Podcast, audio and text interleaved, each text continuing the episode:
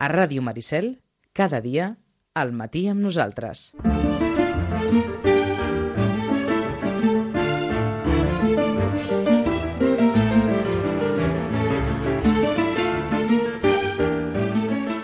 I avui l'Hora dels Llibres eh, comença amb noms molt femenins, eh, entre d'altres amb el Premi Nobel de Literatura 2022, que enguany se li ha atorgat a l'escriptora francesa eh, Annie Ernaux, i amb les dues recents guanyadores dels Premis Planeta. De fet, la guanyadora, eh, Luz Gabàs, amb eh, Lejos de Louisiana, i amb la finalista, Cristina Campos, amb històries de mujeres casades. Dues dones, per tant, guanyadores aquest any protagonistes dels Premis Planeta i una dona també Premi Nobel de Literatura eh, 2022. Rosana Lluc, molt bon dia.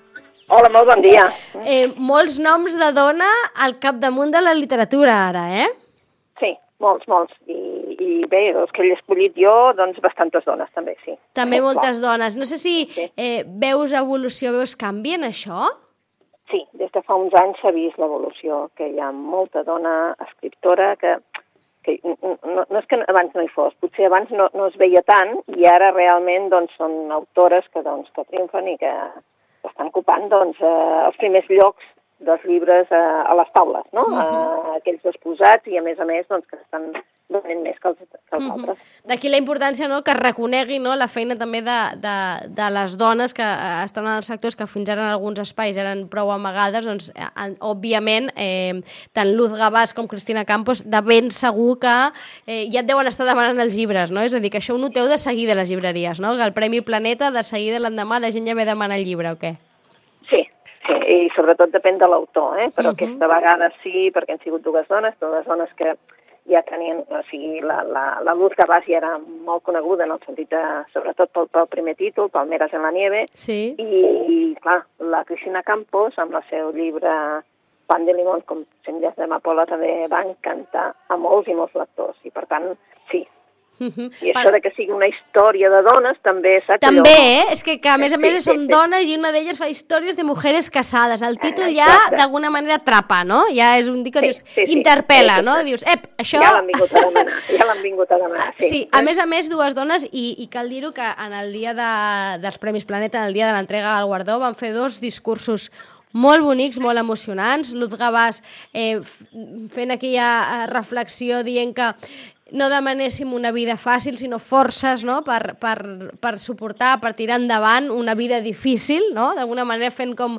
Eh, d'alguna manera com eh, eh, de, posant en, eh, de renom la importància de l'esforç, no? de, de que necessitem són forces i esforçar-nos per tirar endavant, no que ens posin les coses molt, molt fàcils. I Cristina Campos fent una petició directa a la ministra de- de d'Educació de, perdó, sobre el tema de la necessitat de, de fomentar la creativitat entre la canalla i ella va explicar l'anècdota personal de que ella era una estudiant pèssima pèssima, la finalista dels Premis Planeta. D'alguna manera això també dona esperances no? a, a molta gent que pugui pensar que si no treus excel·lents no has de ser ningú, doncs no necessàriament va per aquí la cosa. En fi, tres noms de dones, tres noms de dones molt potents en el món de la literatura, eh, que ja estan eh, molts dels seus llibres, òbviament, a les llibreries que seran reclamar ara, i la Rosana deia que avui també ens portaven dones, no?, escriptores, eh, títols de dones escriptores com a recomanacions. Sí, perquè, és clar no, no, no podem oblidar que el dia 11 de- d'octubre eh, Sí. va sortir la darrera novel·la, que no, pòstuma, diguem-ne ja, de l'Almudena Grandes. Cert. Todo va a mejorar. Eh? Sí, que per cert té I- unes crítiques increïbles. Sí, perquè, clar, eh, bueno, eh, tots els que esperàvem, nosaltres esperàvem, tots els lectors de la Modena, suposo que esperàvem la sisena, eh?, de los episodios nacionales, Sí. que això es quedarà per escriure perquè només n'ha fet cinc i, i ja ens han dit que no, que no hi és, aquesta novel·la no hi és, perquè ella va voler escriure un altre, i suposo també va voler escriure un altre, també molt de reflexió sobre el nostre moment personal i el nostre futur. Todo va a mejorar, eh, algú em va dir, home, jo pensava que és que parlaria del seu càncer. Res a veure amb la seva malaltia, res a veure. Um, ens parla d'una Espanya en un futur pròxim, eh? Uh, hi ha un partit polític, un partit polític que es diu Movimiento Ciudadano Soluciones Ya, eh? Uh -huh. que ha arrasat, ha arrasat a les eleccions. Per què? Per què? Pues perquè sembla que, no sé, que la gent estigui esperant això, no? Una solució ja, eh? I la gent s'ho creu. Eh? Um, clar, uh, qui hi ha darrere d'aquest partit? Pues, bueno, sembla, sembla que no, no se sàpiga, però en realitat hi ha un empresari d'èxit.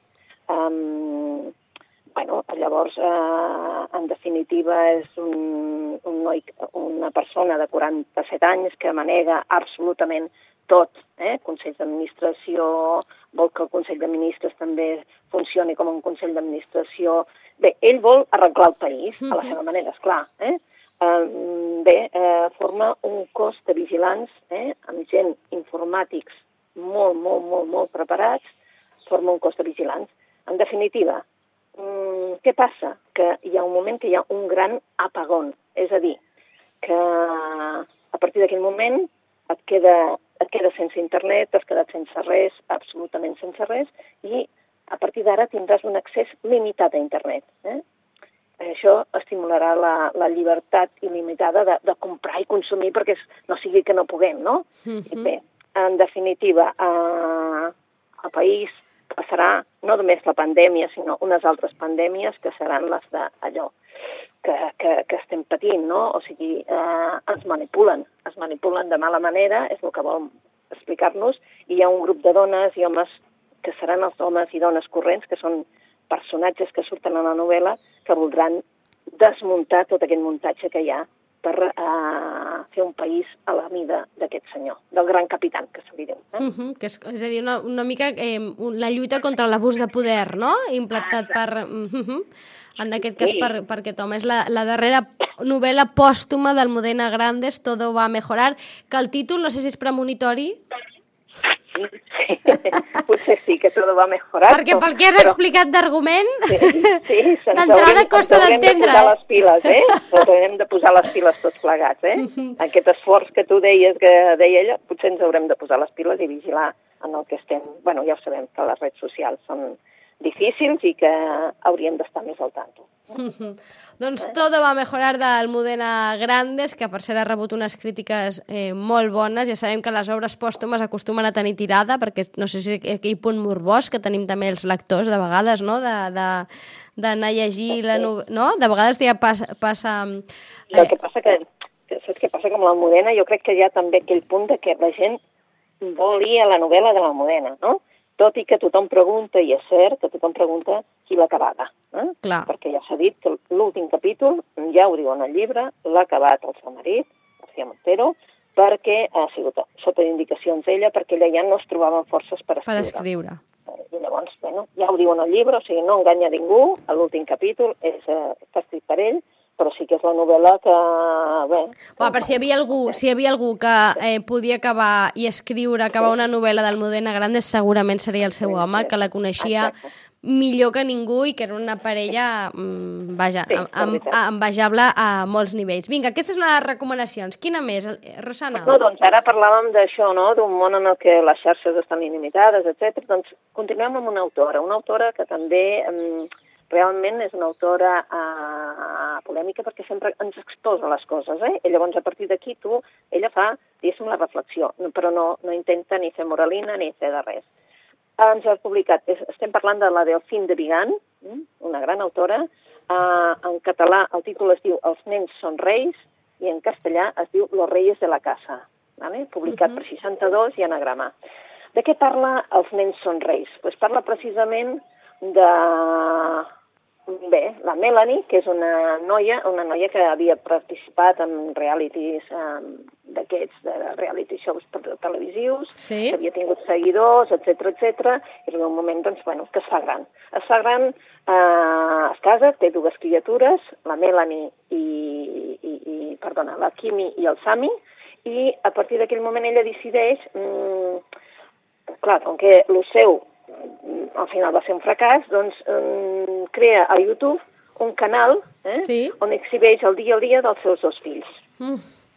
Bé, uh, milions de seguidors, um, saps, comentaris... Clar, ella porta tots els seus moviments i el que havia de ser una cosa, en principi, eh, no? Mm, només gravar de tant en tant, Sí. eh, allò que feien els nens, etc etc, es converteix en una cosa professional. I darrere d'aquest aquesta façana, eh, d'aquest canal familiar i tendre i adulcorat, eh, hi ha rodatges en els que els nens ja no poden més, és abusiu, um, clar, per generar material, eh, saps? Vull dir, s'abusa dels nens en el sentit de que masses hores, etc. Sí, sí, el debat de l'exhibició dels nens, no?, a Ah, les xarxes, exacte. que a més és un debat real i existent, eh? real. Eh? Mhm. Doncs què passa? Doncs com que aquesta eh, felicitat, allò, mm, saps, que es veu i, i tot està en venda.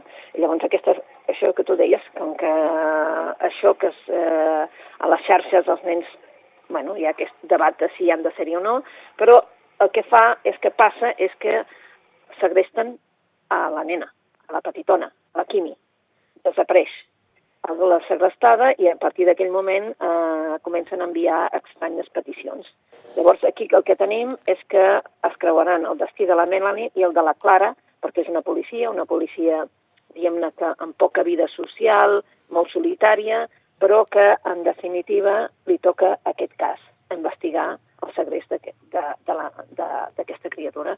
Què passa? Doncs que a partir d'aquell moment eh, les dues dones hauran de treballar en conjunt perquè, és clar, eh, han de saber què passa i bé, aquesta felicitat familiar realment és com un retrat inquietant d'aquesta època que vivim, en què vivim només perquè ens mirin i, i ser vistos, no? Mhm. I la veritat és que és un thriller, un thriller un thriller en el sentit de la de Cine de Vigan, eh? No, ningú no es pensi que això és un thriller tipus el que parlarem d'aquí una mica, eh? Mhm. És una novel·la literària però que ens parla d'això, Mhm, Però del de, perill de les xarxes. Sí, però d'un tema que ens queda proper, no? que no ens queda gens Molt. llunyà i que un relat, no sé què, i amb aquesta característica que comentaves al principi de que no hi ha judici, eh? sinó simplement exposició de fets, no? o de- o d'escenari o, de, o de situació, que això no sé fins a quin punt també ho fa com eh, eh, no sé si dir més pertorbador o, o més que no, el fet de que no hi hagi judici, no? que jo t'ho ensenyo i aleshores sigues tu ara el que, el que determini si això t'agrada o no t'agrada.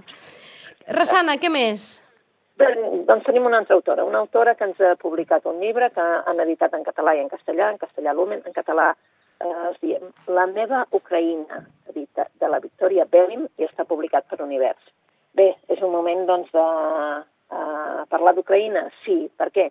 Pues, aquesta noia, eh, la Victoria Bellim, torna eh, al seu país, és un relat, diguem-ne, que seria mm, mig real, mig, eh, ja exploració personal, perquè ella torna eh, al seu país, al seu país, a Ucraïna, per investigar les seves arrels la desaparició en realitat d'un oncle que sembla ser que era besavi, eh? és a dir, que no era el seu oncle, diguéssim, sinó el seu, re, no sé com se diu, però oncle besavi. Eh? Mhm. El Nicodim era als anys 30 i el Nicodim va desaparèixer. Mm, Què li va passar? Per què se sap tan poc d'ell? I per què la seva àvia, la Valentina, no en vol parlar mai? I bé, a Poltava, que és la regió on ells vivien, el KGB, el que ja ha desaparegut, però el record de, de tot allò que van fer encara encara està, i la seva antiga seu soviètica encara hi és allà, i se li diu la Casa del Gall. Cada, eh, quan passen per allà davant, mm, tothom mm, intenta no mirar-s'ho, eh? perquè són les terres de sang, que n'hi diuen ells, eh? són terres de sang. Què passa amb això? Doncs que la Victoria Bellim es trobarà que la seva àvia Valentina eh, sap molt més del que pot dir, que no vol investigar res perquè pensa que, que, que això pot ferir a la família i, en definitiva, la, ella el que vol parlar és del país i d'aquest país que tenim i que ara, pom, es veuen més amb l'annexió de, de Creta, que torna a, a veure's amb la guerra després de tants anys. Mhm. Per tant, la meva Ucraïna, eh, de Victoria Belim, d'alguna manera, un, eh, història, parla de la història recent d'Ucraïna, eh? És a dir, que un, que un- un tema que, no? que, que ens queda més o menys eh, a prop i que, a més a més, amb tot el tema de la guerra actual a Ucraïna, d'alguna manera, no sé si això també és un, un punt d'atracció, és a dir, si també ho noteu això a les llibreries, que la gent s'interessa més eh, per, per aquest país i per aquests conflictes a, a, a mida en el moment en què una guerra esclata? Sí, sí, la veritat és que sí. El que passa que arriba un moment que hi ha tanta informació que la gent llavors ja, Ja. queda col·lapsada, saps? Vull dir que llavors ja només és historiadors els que els interessen. Però en aquest cas, com que és una història personal, eh, suposo que també apela amb això, no? Una història personal, una història que ella no l'explica, l'explica com si fos una novel·la, el que passa que és una història que té tints reals. Mm? Uh -huh. Ens queden 4 minuts. Rosana, algun més? Uh, sí, és que n'hi ha tants, però bueno, començarem per un més que, en, evidentment, de qui parlem? Pues parlem del Ricardino, de l'Andrea Camilleri. Hombre, Uh, aquesta novel·la és la darrera, ja no n'hi ha més del comissari com el Pontalbano. s'acaba aquí? S'acaba aquí? S'acaba aquí, perquè a l'estiu del 2005 l'Andrea Camilleri va parlar amb la seva editora italiana i li va dir aquest és l'últim llibre, però eh, és el darrer de la saga Montalbano, eh? Sí, sí. I, I ells acorden que no es publicarà, publicarà fins que, bé, que tingui ell la certesa de que ja no n'escriurà cap altre, vale? perquè és com si és a l'adeu al Montalbano, no? Quants, Eh, quants llibres hi ha? Quan- Quants llibres compta la saga? Uh, no. Molts, moltíssims, Molts, perquè del, de l'Andrea 30. Camilleri hem parlat molt, eh? Sí, potser 30. Eh? Caram. Jo hauria de, hauria de saber-ho, però en realitat, mm, bueno, clar, hi ha els del, els del Montalbano i després hi ha els altres que no són Montalbano, però, Mhm. vaja, d'aquests n'hi ha, ai, no sé si 16, 17 potser, i el reste Bé, en qualsevol cas, una saga prolífica, eh? Aquest una és... saga prolífica, sí. Mhm. Um, bé, el 19 uh, va morir l'Andrea Camilleri i llavors, bé, ja es va dir que Ja se sabia que aquí ja s'acabava, eh? aquí s'acabava. Vale? Uh, aquest és un cas d'investigació que- d'homicidi, com els altres, no? que és l'assassinat d'un dels quatre amics d'una colla tan, tan, tan, tan avinguts que ho comparteixen tot, fins i tot allò que, que, que, que és una mica dur de compartir, no? Mhm. I bé, són en realitat en el, la novel·la, com que volia acabar amb el personatge de Montalbano, també hi ha les discrepàncies entre el Montalbano i l'autor. Eh? És, eh, bueno, l'Andrea Carnileri jo crec que eh, ens va fer un personatge que és el Salvo, eh, i llavors eh, aquí doncs apareixen tots, el Salvo, el Catarella, aquell que, que és un personatge que, que ens fa riure a tots, uh, però també el, el Mimí. Um, bueno, és un- El allò... comiat, el comiat, el comiat. El comiat de la seva Sicília, de la comiat del seu personatge Salvo Montalbano. Mhm. Per tant, pels, Ricardino. pels fans de- d'aquesta saga i del, del Montalbano, de l'Andrea Camilleri, que no es perdin Ricardino, aquesta darrera última novel·la, ja pòstuma, d'Andrea Camilleri, d'aquesta saga tan prolífica que ha tingut tant d'èxit i té tants seguidors i que mm, jo ara no, eh, no he aconseguit trobar de quants llibres estem parlant, però vaja, ja, ja ho, ho recordarem en properes ocasions perquè és que n'hem parlat molt d'en de, d'en Camilleri i, de, i del comissari Montalbano. Rosana, moltíssimes gràcies. Guarda't la llista i d'aquí 15 dies continuem amb més recomanacions. Més recomanacions. Doncs molt bona lectura. Igualment, adeu-siau.